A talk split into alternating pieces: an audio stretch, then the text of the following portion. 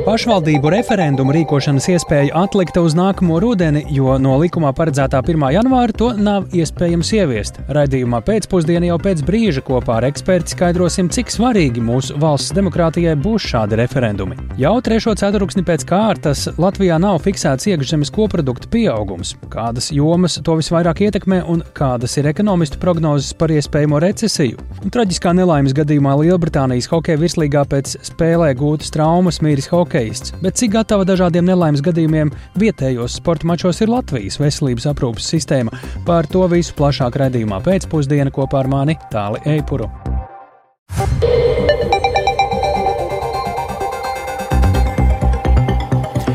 Ir 16,5 minūtes skan pēcpusdienas ziņu programma, skaidrojot šodienas svarīgus notikumus. Studijā Tālis Eipurs. Labdien!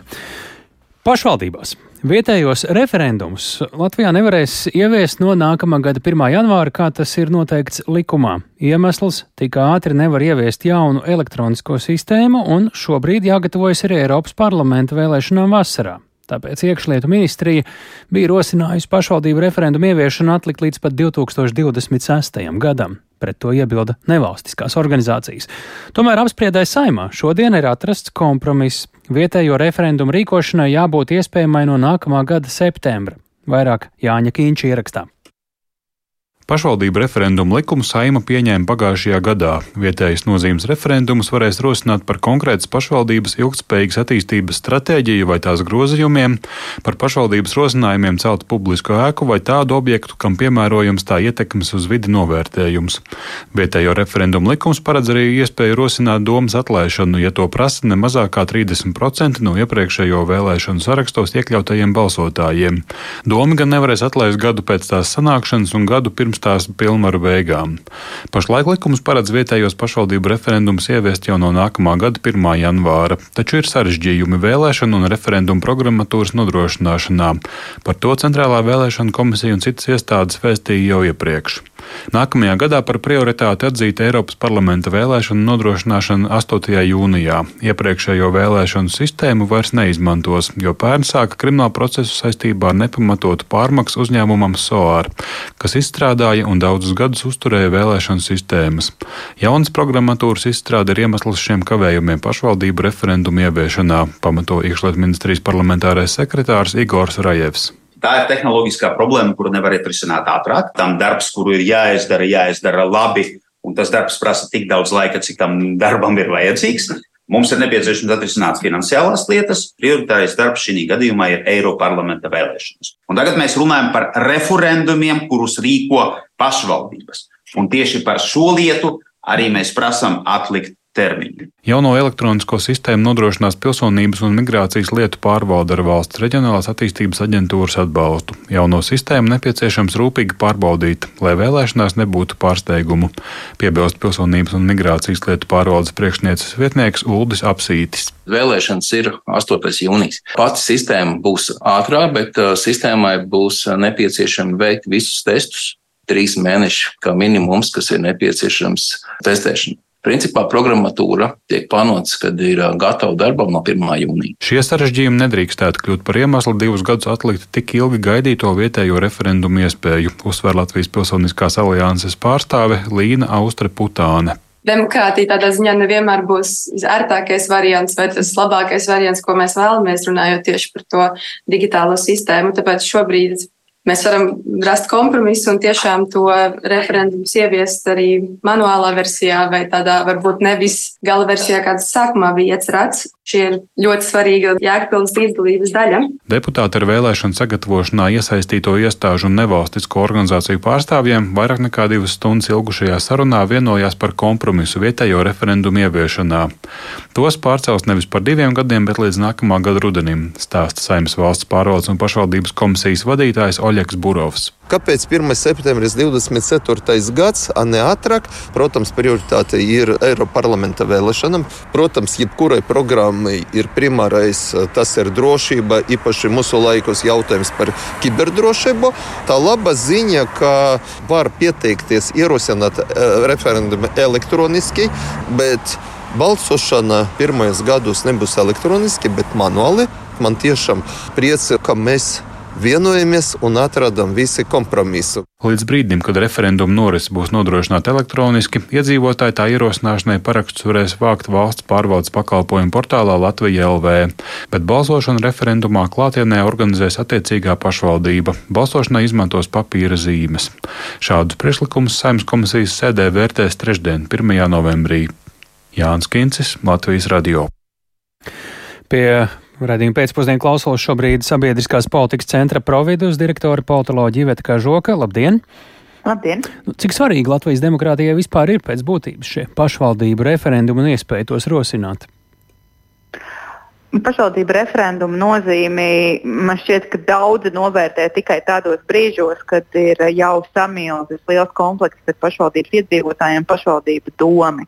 Nevelti šī ideja pirms kādiem 15, 16 gadiem nāca no jūrmālas aizsardzības biedrības, kurai tajā brīdī vienkārši bija aptrā, aptrūkušies jebkādi līdzekļi, kā varētu pārliecināt uh, jūrmālas domu ņemt vērā iedzīvotāju intereses. Un arī šajā gadā konteksts, kādā tika runāts par pašvaldību referendumiem, lielākoties bija saistīti vai nu ar, ar, ar peripētijām Ogres domē un vietējo iedzīvotāju neapmierinātību ar to, kādi lēmumi tiek pieņemti attiecībā uz vietējo muzeju, vai arī Rēzeknas novadā kā viens no iespējamiem risinājumiem tur samilst uz šajām problēmām. Tāpēc es teiktu, ka tas ir tāds labs, vajadzīgs Latvijai demokrātijas mehānisms, kas tiktu uh, pielietots uh, neregulāri, drīzāk kā stāvbremze vai strīdu risinātājs tajos brīžos, kad uh, pa labam atrisināt konfliktu starp domu un vietējiem iedzīvotājiem vairs nav iespējams, jo nu, tā situācija ir uh, pārtapusi no uh, tādas konstruktīvas uh, diskusijas par uh, vai nu ļoti spēcīgu pozīciju sadursmi, vai kaut ko, kur kādam ir jāpasaka galavārds. Un pašvaldība referendums ir labs veids, kā pateikt galavārdu kādā strīdā. Kāpēc ir tik svarīgi to ieviest pēc iespējas agrāk? 26. gads pret to nevalstiskās organizācijas iebilda. Kas ir te par būtību? Um, pašvaldību referendumu Latvijas iedzīvotājiem tiek solīti no 90. gadu beigām. Uh, un, uh, ja mēs skatāmies nesenāku pagātni, tad uh, darbs pie šī likuma vai līdzīga likuma izstrādes sākās pirms 16 gadiem. Un, um, katrs saimas sasaukums uh, šo termiņu atlika un atlika. Līdz ar to šobrīd vairs nav tik ļoti uh, svarīgs jautājums par, uh, par to, tieši kurā brīdī sāks pašvaldību referendumus, bet gan uh, par to, vai var uzticēties, ka jebkurš no valsts pārvaldes nosauktajiem termiņiem ir ticams. Un tieši tāpēc ir uh, svarīgi nenoteikt garu termiņu, bet pēc iespējas īsu, lai tomēr samobilizētu valsts pārvaldes iestādes un arī politiķus, piešķirt jautājumam par pašvaldību referendumu daudz augstāku prioritāti nekā viņi to ir darījuši līdz šim. Jo savādāk var gaidīt vēl 15 gadus. Šķērslis šobrīd no 1. janvāra to ieviest ir elektroniskā sistēma. Nav jau arī lielas drošības sajūtas, ka līdz nākamā gada rudenim tas izdosies šajā gadījumā papīrs pret elektroniku. Ir pieņemami, ka mēs šo ieviešam arī pat, ja ir papīra forma? Ir svarīgi, lai cilvēkiem ir iespējas vākt parakstus referendumu ierosināšanai elektroniski. Un, cik es saprotu, to gan ir iespējams līdz 1. septembrim nodrošināt. Tas arī ir iemesls, kāpēc nevalstiskās organizācijas akceptē šo kompromisu termiņu. Tas, vai pats referendums notiek elektroniski vai klātienē vēlēšana iecirkņos, nav tik ļoti svarīgi. Protams, ka būtu labāk, ja būtu pieejamas abas iespējas, bet tas, ka nav iespējams uzprogrammēt elektronisko sistēmu, nedrīkst būt iemesls nesākt referendumus vispār. Uh, ir tādā gadījumā man šķiet, ka arī Latvijas sabiedrībai principā būtu jābūt arī tādiem gataviem tādiem gadījumiem, kad nu, Latvijā nestrādā elektronikas. Un uh, šādā situācijā Centrālajai vēlēšana komisijai ir jāspēj norganizēt gan uh, uh, referendumi, uh, gan arī vēlēšanas. Kā tas nav nekas tāds ekstraordinārs.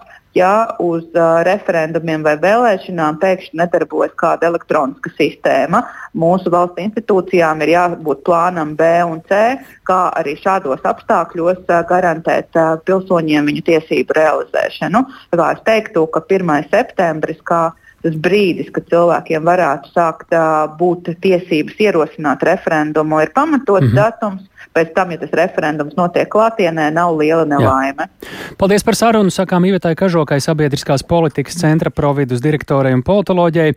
Kā redzams, arī šeit atsevišķā vienā vai otrā posmā finanšu trūkums ir spēlējis savu lomu. Daudz procesu valstī ir atkarīgi no tā, cik labi sokas mūsu ekonomikai. Un šobrīd tajā joprojām ir kritums. Jau trešo ceturksni pēc kārtas Latvijā nav fiksēts iekšzemes koprodukta pieaugums.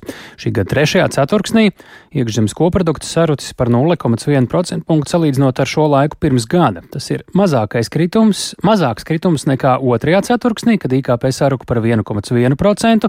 Gada pirmajā ceturksnī IKP bija saglabājies nemainīgs attiecībā pret iepriekšējo gadu, un pirms tam iekšzemes koprodukta kritums eh, bijis tikai smagākajā pandēmijas gadā. Līdz tam vienmēr ir bijis un pirms tam kāpums. Tā liecina centrālās statistikas pārvaldes dati, bet bankas citadela ekonomists, fiskālās disciplīnas padomas loceklis Mārtiņš Āboliņš iepriekš bija teicis pesimistiskāku prognozi, un arī citi analītiķi paredzot IKP kritumu līdz pat 1,5 vai pat 2% gadā, un lūdzām viņu komentāru par statistikas pārvaldes aprēķināto 0,1% kritumu. Protams, ka mēs skatāmies uz pirmiem datiem, kas bija pieejami. Tad, teiksim, rūpniecība, tirzniecība, eksporta rādītāji, tie kritumi bija ievērojami lielāki nekā mums šobrīd ir. Teiksim, trešais ceturksnis ekonomika kopumā tikai 0,1% mīnusā pret pagājušo gadu. Bet es teiktu, ka izstāsta nu, varbūt nedaudz labāk nekā ir patiesībā, jo mēs redzam, ka tos kopējos rādītājus uz augšu pavilkuši ir nodokļu ieņēmumi, produktu nodokļi, kas ir salīdzinājumā pagājušo gadu auguši par 1,9%. Nu, protams, saprotam, ka ieņēmumi nu, nevar ilgstoši augt ātrāk nekā ekonomika. Un nu, te ir tāds risks, ka nu, vēlāk mēs redzēsim kaut kādas negatīvas IKP korekcijas. Jo faktiski šī gada pirmajā ceturksnī mēs ar sākumā tika ziņots par izaugsmu, pēc tam šie nodokļu korekcijas mainījās, un šobrīd jau mēs redzam, ka tur ir pirmais ceturksnis jau bijis ar ekonomikas kritumu. Nu, tāpēc tas pirmais vērtējums, ka nedaudz izstāsta labāk nekā patiesībā ir. Bet, protams, ka ir, ir lietas, kas turpina augt. Es domāju, būvniecība ir augusi arī. Tāpēc mēs redzam no valsts budžeta izdevumu sadaļā, investīciju izdevumu turpina augt. Arī, teiksim, mēs skatāmies uz darba tirgu, tā situācija ir gan labi, iedzīvotāji ienākuma aug, lai gan šobrīd nu, tas ienākuma kāpums varbūt nav īsti ticis līdz cenu kāpumam, un līdz ar to uzkrājumi varbūt nedaudz ir beigušies. Līdz ar to, tad, teiksim, tie tirdzniecības rādītāji arī septembris mums bija par pagājušo gadu mīnus 4%. Nu, tur tai situācijai vajadzētu uzlaboties tuvākajos mēnešos. Jūs arī esat minējis, ka ja par Eiropu un pasauli vēl jāskatās, kā tur būs ar to recesiju, tad Baltijā tā jau šobrīd ir vērojama. Ko tas nozīmē? Ka, diemžēl, sāk izskatīties, ka tā varētu būt noturīgāka pie mums, tāpēc ka tā varētu iestāties arī mums apkārt. Vai ir cerības, ka mēs varētu būt tuvu zemākajam punktam šajā krīzē, ja tā teikt? Es domāju, ka ir cerības, ka mēs varētu būt tuvāk zemākajam punktam, vai mazāk tāpēc, ka vienkārši nu, teiksim, pie mums tas ir um, nedaudz ātrāk noticis. Mēs redzam, ka trešajā ceturksnī ir faktiski tāds recesijas robežas, kas varam divi un ceturkšņa pēc kārtas ir negatīva izaugsme, kas visās trīs Baltijas valstīs šobrīd ir, tad arī Vācijas ekonomikā ir neliels kritums par pagājušo gadu, ir neliels kritums ceturkšņa griezumā. Ah, un viens no faktoriem ir procentu likmes. Skaidrs, ka Eiropas centrālā banka cīnās ar, ar inflāciju, ir būtiski palielinājis procentu likmes.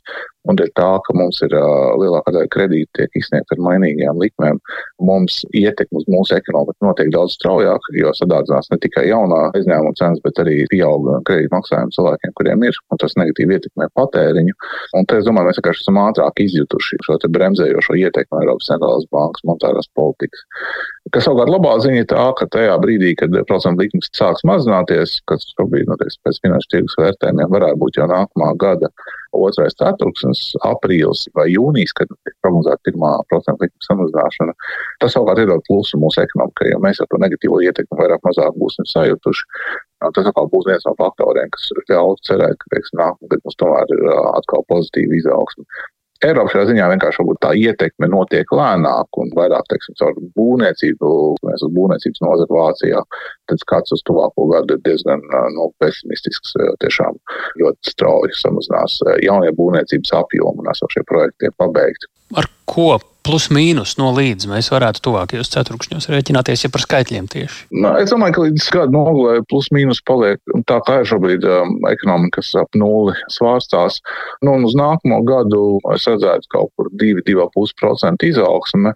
Tur ir gan procentu likums, kas varētu sākt samazināties, gan arī mēs redzam jau pazīmes, ka, teiksim, rūpniecībā, kas šobrīd ir varbūt lielāko kritumu ekonomikā, varētu atkal atsākties izaugsme, vienkārši daudzās nozarēs krājumi pakāpeniski sāk samazināties, un ar to jaunie pasūtījumi sāk pieaugt, un tur, teiksim, tas pozitīvāks skats. Plus arī darba tirgus, mēs redzam, bezdarbs ir zems, algas turpina augt, un tajā brīdī, kad ienākumi noķer algu cenu kāpumu, tad arī patēriņā es sagaidītu jau nākamo gadu plusā. Ja nav kaut kādas globālas izmaiņas Eiropas vai pasaules ekonomikā, tad jā, līdz gada nogalē tas pats, kas ir šobrīd ap nulli un, un nākamā gada 2,5% izaugsme. Tā Mārtiņš Čāboliņš, kā nu pats sacīja eksperts, ja vien nav kādas globālas izmaiņas pasaules ekonomikā, un te jāsaka, ka diemžēl ģeopolitiskā situācija Šo stabilitāti netū neveicina. Izraels armija turpina sauszemes un gaisa operācijas gazas joslā. Turpinās bombardēšana, kā arī sadursmes uz zemes. Izraels armijas kustība šodien manīta arī netālu no gazas pilsētas. Tikmēr humanitārā situācija gazas joslā turpina pasliktināties, lai arī tur iebraukusi lielākā palīdzības krāva kopš 7. oktobra. Plašāk par situāciju Gazas joslā gatavs stāstīt Rihards Plūmes. Sveiks, Rihard! Kas līdz šim ir zināms par uh, Izraels armijas operācijām Gazas joslā jaunākajām, un vai var teikt, ka šobrīd tā darbība uz sauszemes ir kļuvusi manām aktīvāka, ko armija šobrīd dara, cik plaši? Jā, labdien!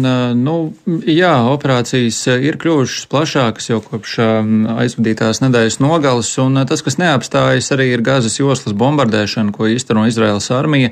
Tomēr izskatās, ka kopš vakardienas Izraela vairāk koncentrējas uz triecienu došanu Gazas joslas ziemeļiem, nevis dienvidiem, un tas galvenais mērķis varētu būt Gazas pilsēta.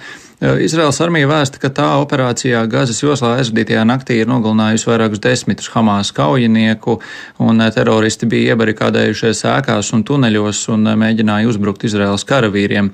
Un kopumā pēdējo 24 stundu laikā Izraela ir devusi triecienus vairāk nekā 600 mērķiem. Zinām to, kā jau minēju, ka Izraels armija ir paplašinājusi operācijas Gazas joslā, iesaistot gan kainiekus, gan tankus, arī citu tehniku, kurus piesadz savukārt aviācija.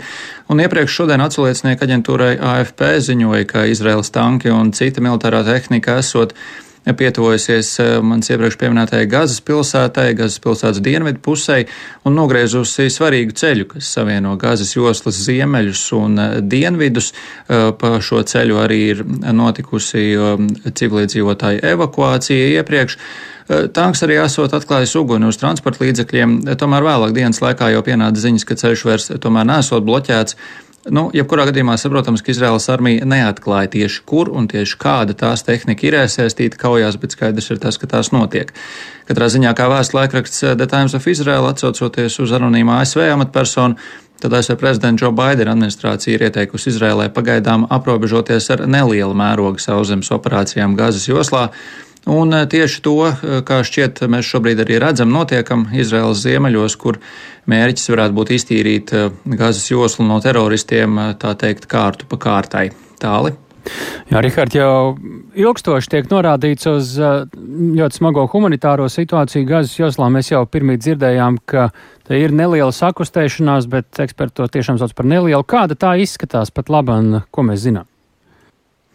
Jā, nu, pirmkārt jau ir skaidrs, ka Izraels eh, īstenoto uzlidojumu dēļ nogalināto skaits turpina pieaugt, taču nav precīzi skaidrs eh, bojāgājušo apmērs. Eh, Hamas kontrolētā Gazas joslas veselības ministrija, piemēram, vēst, ka šajos Izraels pretuzbrukumos Gazas joslā ir nogalināti vairāk nekā 8000 cilvēku, pārsvarā tie esot mierīgi iedzīvotāji un liela daļa no tiem arī bērni. Nu, kaut arī pēdējo nedēļu laikā liels skaits iedzīvotāji ir devušies prom no Gāzes joslas ziemeļiem, jo uz to vēl pirms dažām dienām atkārtot aicināja arī Izrēla. Tomēr desmiti tūkstoši cilvēku joprojām varētu atrasties Gazas joslas ziemeļos, un arī ANO šodien paziņoja, ka simtiem pacientu ir iestrēguši slimnīcās Gazas joslas ziemeļos un fiziski nespēja pārvietoties uz dienvidiem. Un uh, ANO uh, Palestīnas bēgļu aģentūras vadītājs Gazas joslā Toms Vaits uh, atkārtot uzsvēra to, ko jau iepriekš norādīja arī ārsti un labdarības organizācijas, proti viņu prāt pārvietot pacientus īpaši kritiski slimos no slimnīcām Gazas joslas ziemeļos vienkārši nav iespējams. Paklausīsimies, ko par situāciju Gazas joslas slimnīcās saka pediatrs Omārs Abdels Manans, kurš ir pastāvīgā kontaktā no Lielbritānijas ar ārstiem Gazas joslām. So they've said to me currently the surgeons are operating without anesthetic, with no painkillers. Ķirurgi man ir teikuši, ka pašlaik viņi strādā bez anestēzijas līdzekļiem, bez precāpju līdzekļiem. Viņiem nav antibiotiku, lai ārstētu infekciju. Viņiem nav tīra ūdens, lai varētu pareizi iztīrīt pacientu brūces pirms un pēc operācijām. Viņi ir pārmērīgi noslogoti, nobijušies. Viņi ārstē pacientus uz grīdas. Viņi amputē pacienta ekstremitātes bez anestēzijas līdzekļiem. Jā, nu situācija ir skarba un arī ar dzeramu ūdeni, pārtiku un medikamentiem, un arī degvielu situācija joprojām ir kritiska. Un, lai gan nu, Svētdien gazas joslā iebrauc līdz šim lielākais humanās palīdzības kravu apjoms - 33 kravas automašīnas, tomēr tas vienalga nu, ir salīdzināms ar pilienu jūrā, jo gazas joslā mīt vairāk nekā 2 miljoni cilvēku. Un, Ja mēs palīdzības apjomu salīdzinām ar laiku pirms 7. oktobra, kad notika Hamas uzbrukums, eh, tad humanitārā situācija jau nebija laba, un eh, tad Gazas joslā katru dienu iebrauc aptuveni 500 kravas automašīnu ar palīdzību un citām precēm. Tātad eh, varam nojaust šo te salīdzinājumu par palīdzības apjomiem tad un tagad. Tāli. Tik tālu par situāciju Izrēlā un Gazas joslā. Paldies Rihardam Plūmēm. Tikmēr Ukrainā 12 šahet droni un divas vadāmās aviācijas raķetes X-59 pagājušajā naktī Krievija izmantojusi uzbrukumiem Ukrainai. Visi gaisa uzbrukuma mērķi notriekti, taču krītošās atlūzas ir nodarījušas postījumus dzīvojamām ēkām. Plašāk par to esam sazinājušies ar Latvijas radio korespondentu Ukrainā Indru Sprānci.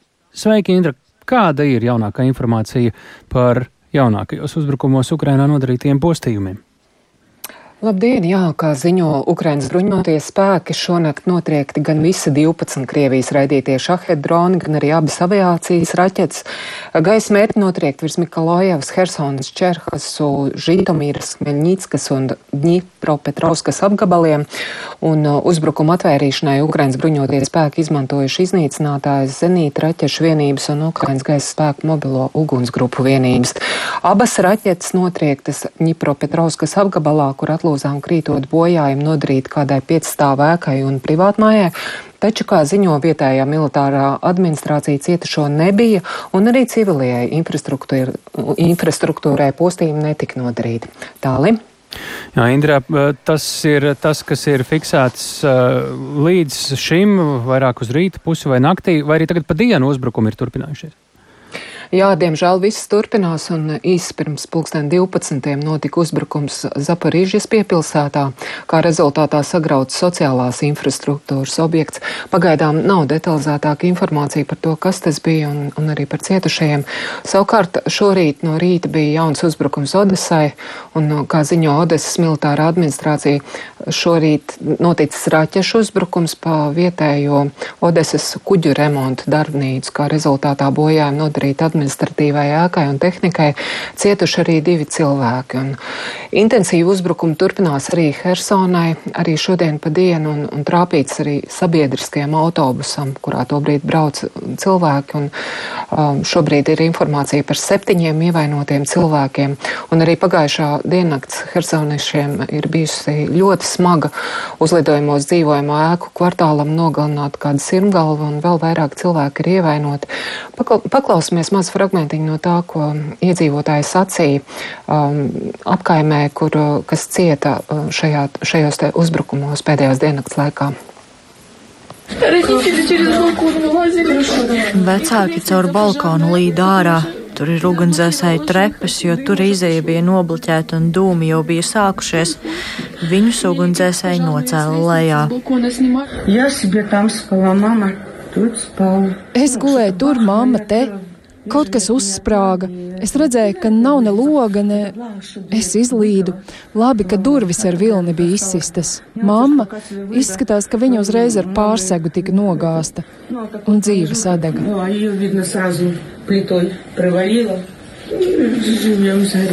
Было несколько прилетов града. Bija vairāki uzbrukumi ar gradiem. Sākumā bija viens sprādziens, pēc tam bija pieci uzlidojumi, un pēc kāda laiciņa vēl kādi pieci uzlidojumi.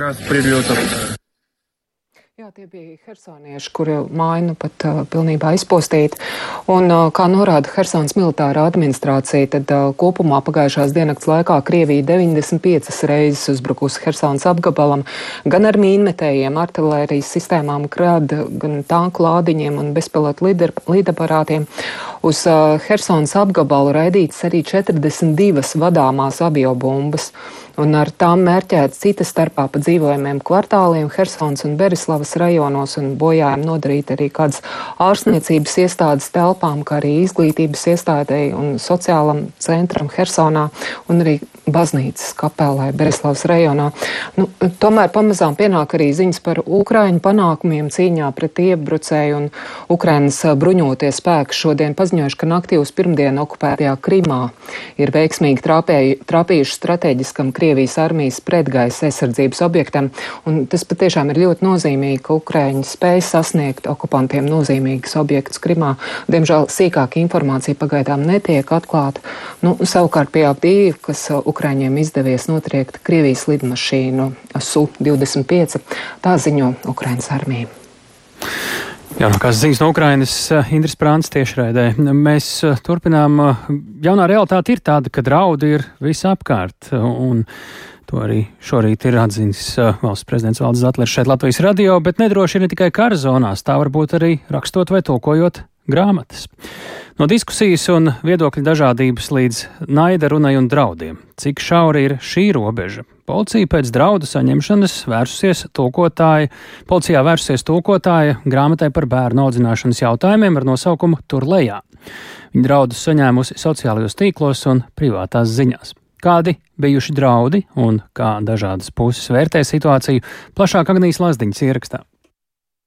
Apgādā Pētergailis izdotā un no vācu valodas tulkotā autoru kolektīva grāmata tur lejā paredzēta bērnu seksuālajai audzināšanai. Tā vēsta par ķermeni un dzimumu orgāniem, tostarp mācot, kādos vārdos cilvēks var saukt savas ķermeņa daļas.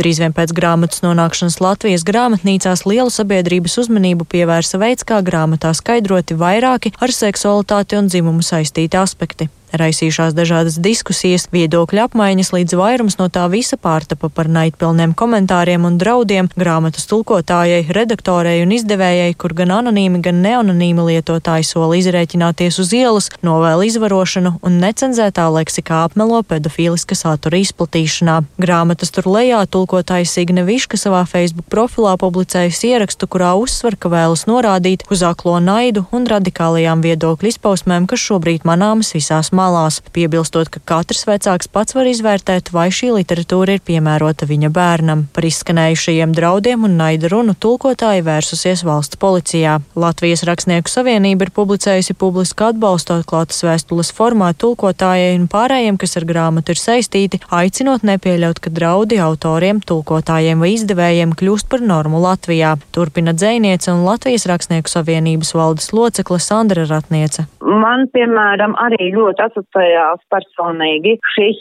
gadījums kā ar vilku baru. Tātad vilka bars uzklūp ganāmpulkam, piemēram, vājāk aizsargātajiem. Jā, protams, kā mēs arī esam rakstījuši, ka diskusijā dzimst patiesība, bet šai patiesībai jādzimst ir cieņpilni un ar pamatojumiem. Un respektējot arī to, ka mūsu sabiedrībā mēs esam um, toleranti un uh, pieņemoši dažādu cilvēku, dažādu uzskatu pieņemoši. Savukārt Rīgas Stradiņa universitātes asociētais profesors un sociāla antropologs Klaus Sedlnieks skaidro, ka fakts, ka cilvēki grib izlabot vai koriģēt citu cilvēku rīcību, nav nekas neparasts, taču pateicoties sociālajiem mēdījiem, pašlaik to ir iespējams darīt ar ļoti attāliem cilvēkiem, kurus nepazīstam, un situācijām, kuras pilnībā nepārzinām. Tas, kas ir nu, ļoti satraucoši visā šajā, ir, ka tās ir tādas nu, ļoti personiski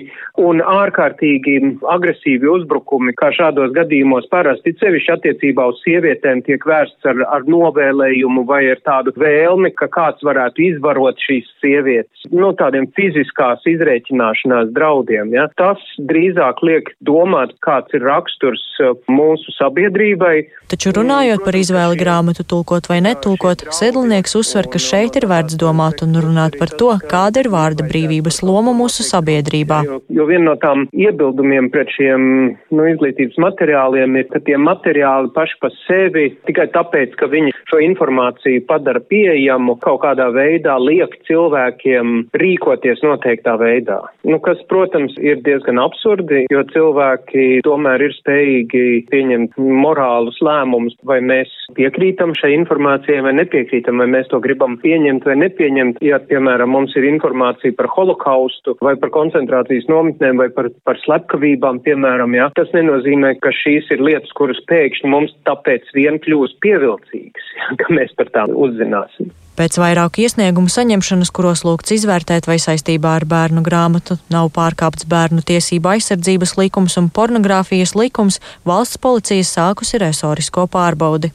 Agnija Lazdiņa, Latvijas radio.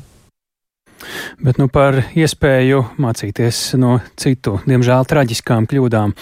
Lielbritānijas hokeja virslīgā nedēļas nogalē asins stingzinošā nelaimes gadījumā ASV hokeistam Edamam Džonsam pretinieks kritienā ar slidu pārgrieza kaklu, spēlētājs vēlāk slimnīcā mīra.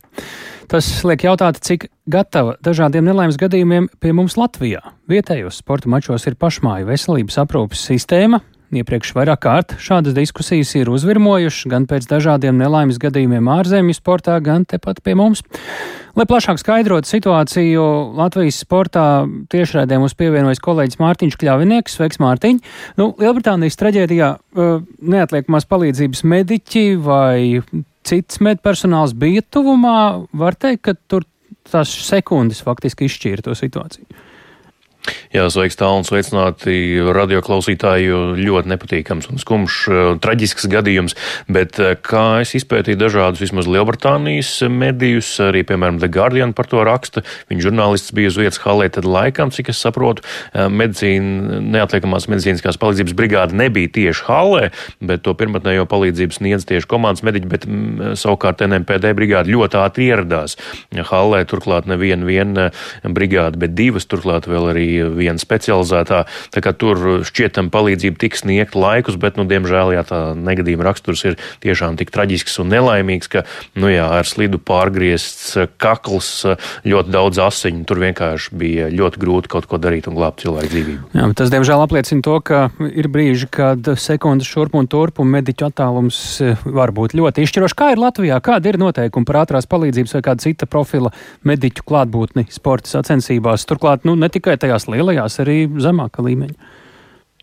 Jā, nu to visu regulē ministra kabineta noteikumu numuru 526, starp citu vēl izstrādāti Aigara Kalvīša valdības laikā 2006. gadā, gada vidū, un stājās spēkā, nu, tas uh, ir vispār kārtība, kādā pasākuma organizators nodrošina neatliekumu medicīnisko palīdzību publiskā pasākumā. Un tur, jā, sadaļa ir arī atvēlēta sporta pasākumiem, tiesa, tur gan ir tāda pietiekami sarežģīta formula, kā lai izrēķinātu, cik un kādas mediķu brigādes tieši vajadzētu konkrētos pasākumos bet jāsaka tā, ka šajā, šajos noteikumos sporta pasākumi ir klasificēti kā otrā zemākā riska kategorija kopā ar izstādēm, tirgiem, gada tirgiem, bet motosporta pasākumi gan ir trešajā augstākajā kategorijā blakus aviācijas tehnikas demonstrējumiem un roka koncertiem. Tā kā tur ir pietiekami sarežģīti tas viss, bet, nu, principā ir tā, ka, jā, ja tas ir tāds liels publisks, visticamāk parasti starptautisks pasākums, kas notiek vai no arēnā Rīga vai kādā lielā stadionā, reģionā Latvijā, tad, uh, un uz to tiek iegots biļets, tad šie noteikumi ir saistoši visādā citādā, citādā gadījumā, tādās vietējā līgu spēlēs, piemēram, uh, vietējā hokeja virslīgā vai vietējā futbola virslīgā, tur saistoši ir uh, federācija izstrādātie noteikumi. Ja federācija pieprasa klubiem, jums ir jānodrošina NMPD brigādes spēļu laikā, tad tam arī jābūt izdarītam. Piemēram, Latvijas Hokeja federācija um, pēc šī nelāgā Lielbritānijas gadījuma saka, ka iespējams sasauks savu medicīnas komisiju, varbūt vēl skatīt skatīs, kas ir jāuzlabo, kāda noteikuma jāpapildina, bet eh, Latvijas Hokeja federācija um, pieprasa, lai gan augstākajā līgā, tātad tā, tā sauktajā Baltijas Hokeja līgā būtu klātesošas NMPD brigādes katrā spēlē, gan arī otrajā spēcīgākajā līgā, junior attīstības hokeja līgā, kur spēlē pārsvarā juniori un jaunieši. Nu, tur citām federācijām ir citādas izpratnes un citādi regulējumi savukārt tāli. Jā, nu, nelaimes gadījums eh, nedēļas nogalē notika Lielbritānijas līgā, bet cik droši līdz ar to par savu veselību un dzīvību kādā neparedzamā situācijā uh, var nonākt arī Latvijas hokeja līgas spēlētāji. Tā sanāk, vai ne? Jā, nu, tur, protams, jautājumi var būt dažādi. Nu, kā jau es teicu, tā medicīnas komisija varbūt varētu sniegt kādu atbildi, mm -hmm. bet mhm. vismaz Roberts Pļāvējs, Latvijas Hokeja federācijas ģenerālsekretārs Latvijas radio stāstīja, ka nu, šobrīd jau vairāk vai mazāk tiek darīts viss, ko vien Jā. var darīt ar tiem resursiem, ko var izdarīt, jo arī gal galā mediķu resursi ir tādi, kā tie ir. Nu, cik Latvijā. viegli tad līdz ar to ir vai grūti tām sporta līgām nodrošināt mediķu klātbūtni? Jā, un es aprunājos ar uh, Latvijas futbola virslīgas izpildu direktoru Aināru Dakšu. Viņš uh, tā ļoti precīzi ieskicēja šo situāciju. Viņš sacīja, ka pirmkārt jau tad, kad viņi saliek uh, vai izveido sezonas kalendāru, izspēlē Latvijas futbola virslīgā kurā dienā kuras komandas savā starpā tiksies, tad primāri, starp citu, ņem vērā tieši NMPD brigāžu pieejamību konkrētās dienās. Jo, piemēram, ir Latvijā tādā laikā, kad ir ieplānota spēle, notiek kāds cits liels pasākums, kā šogad Latvijā, Latvijā bija pasaules hokeja čempionāts, dziesmu svētki, Rīgas maratons, pasaules čempionāts skriešanā, tad ir ļoti grūti tieši tajās dienās dabūt brigādes uz spēlēm un vairāk stāsta Ainārs Dakša tā visspilgtāk raksturo to, ka mums eh, no priekšsezonā bija informācija arī par vienu konkrētu datumu, kas mums bija sevišķi apgrūtinoši tieši saistībā arī taiskaitā ar Eiropas kausa kalendāru, no kur mums bija limitētas iespējas kaut ko mainīt. Pat eh, divas spēles Rīgā likām ar stundu eh, laiku nu, robežu, lai ātrie varētu no vienas spēles pārbraukt uz otru spēli. Kad, nu, šī situācija droši vien, ka tā, tā tādu pieejamību, nu, viņi ir pasliktinājusies pēc Covid perioda. Pirms Covidā viņa bija tomēr savādāk un lielākoties parasti tas tiek tiek nu, skaidrots un raksturots ar nu, tieši nepietiekamību. Ka to cilvēku, kas šo veidu šo pienākumu svarīgo, viņu paliek aizvien mazāk. Jā, tā lūk, Ainars Dakša, jā, par NMP brigāžu pieejamību. Tā, jā, pavisam īsi vēl, vai tev uh, ir par šo interesēties radies priekšstats, kas tad būtu maināms Latvijas sporta vidē šajā jautājumā, vai ir kāds viedoklis? Jā, nu, to ļoti spilgti raksturoja Saimnes sporta apakškomisijas priekšsēdētājs Dāvs Mārtiņš Dauguvits no jaunās vienotības. Varbūt ieklausāmies. Noteikti nav viss kārtībā, un federācijām pašām ir jābūt atbildīgākām. Un tādā futbola jautājumā es atceros, ka šī diskusija sākās visu laiku atdūrās par to, ka nu, tas ir papildus finansējums un izdevuma klubiem. Mums jau tādiem klubiem nav tik daudz naudas. Es gribētu pretī likt argumentu, ka, nu, piemēram, federācija uzliek tās pašas pirmās līnijas klubiem, ka uz katru spēli ir jābūt apsargiem. Es atvainojos, bet tās arī ir izmaksas. Un, nu, būsim godīgi, nu, pirmajā līgā nu, nu, nav tik ļoti liels šīs nekārtības, ka varbūt tiešām uz katru spēli ir nepieciešama divi vai trīs apsargi. Nu, varbūt šo naudu var izmantot liederīgāk, nodrošinot neatliekamās medicīniskās palīdzības brigādes spēlēs. Jā, tālāk gāvs Mārtiņš Dāngavīts mm -hmm. no jaunās Jā. vienotības saimnes deputāts. Mārtiņ, liels paldies tev par šo apkopojumu. Pie mūsu klausulas šobrīd ir Liena Cipola, neatliekamās medicīniskās palīdzības dienas. Mēs uh, sakām labdien! Labdien! Kā jūs teiktu, ja Latvijā būtu noteikti tāda obligāta klātbūtne un varbūt pat plašāka nekā šobrīd sporta sacensībās, eh, nu, tur droši vien ar kaut kādu gradāciju, eh, NMPD vispār būtu resursi kaut ko plašāk kā šobrīd īstenot, eh, pat ja par to maksātu? Un, nu, uzreiz jāsaka, ka kārtība ir noteikta, kādos pasākumos organizatoriem ir jānodrošina neatliekamās palīdzības sniedzēju vai pirmās palīdzības sniedzēju klātbūtne. Un jau minētajos noteikumos ir tas smalki aprakstīts. Šos pakalpojumus Latvijā sniedz ne tikai neatliekamās medicīniskās palīdzības dienas, bet arī virkne citu teiksim, privātu kompāniju, kas nodrošina pasākumos neatliekamās palīdzības brigāžu klātbūtni lielos pasākumos, gan motosportu saistītos, gan lielos augsta līmeņa sporta pasākumos, gan, protams, ir arī prasības attiecībā uz tautas sportu, uz tiem pasākumiem, kuros nu, ir varbūt kādi augstāki riski, un tad organizators uzņemās šo atbildību, rīkojot pasākumu, ka viņš nodrošinās uh, arī neatliekamās palīdzības sniegšanu. Ja runājam par dienestu iesaisti, tad dienests pirmām kārtām nodrošina neatliekamo palīdzību visā Latvijas teritorijā un tostarp arī uz tiem pasākumiem, kuros mēs tieši neatrodamies. Ja mums ir informācija par to norisi, mēs varam uh, rīkoties un jau atbilstoši organizēt savu darbu, lai nepieciešamības gadījumā brigāžu pieejamība tiktu nodrošināta. Un arī veicam pacientu pārņemšanu no tiem, kas uh, nodrošina pasākumā neatliekamo palīdzību, tātad nogādājam stacionāros, pārņemam no mediķiem. Uh, jāsaka arī, ka nu, dienesta resursi ir ierobežoti, mums ir uzdevumi uh, not, noteikti nodrošināt valsts nozīmes pasākumos mūsu brigāžu klātbūtni. Tie ir aglonas svētki, tie ir dziesmu svētki, tās ir visas lielās valsts vizītes, valsts augstu amatpersonu vizītes, Jā. kurās mums ir jāstartē, bet, lai mēs runātu par visu līmeņa pasākumiem, noteikti varam teikt, ka tam resursu dienestā nav. Esam nofotografējuši šobrīd šo situāciju. Lielas paldies jums, ka iesaistījāties sarunā. To mēs sakām Lienai Cipulē, neatliekamās medicīniskās palīdzības dienesta vadītājai, bet šis bija ziņu raidījums pēcpusdiena. To veidojām mēs Tāls Eipurs, Ilza Aginta, arī Kaspars Groskops, Rita Kārnača, un šo raidījumu pavisam noteikti varat noklausīties arī jums vēlamajā laikā. Um, uz priekšu vēl Latvijas radio mobilajā lietotnē vai lielākajās raidierakstu platformās meklējot dienas ziņas. Mēs sakām visu labu līdz rītdienai, kā katru darba dienu, 16.5. Yeah.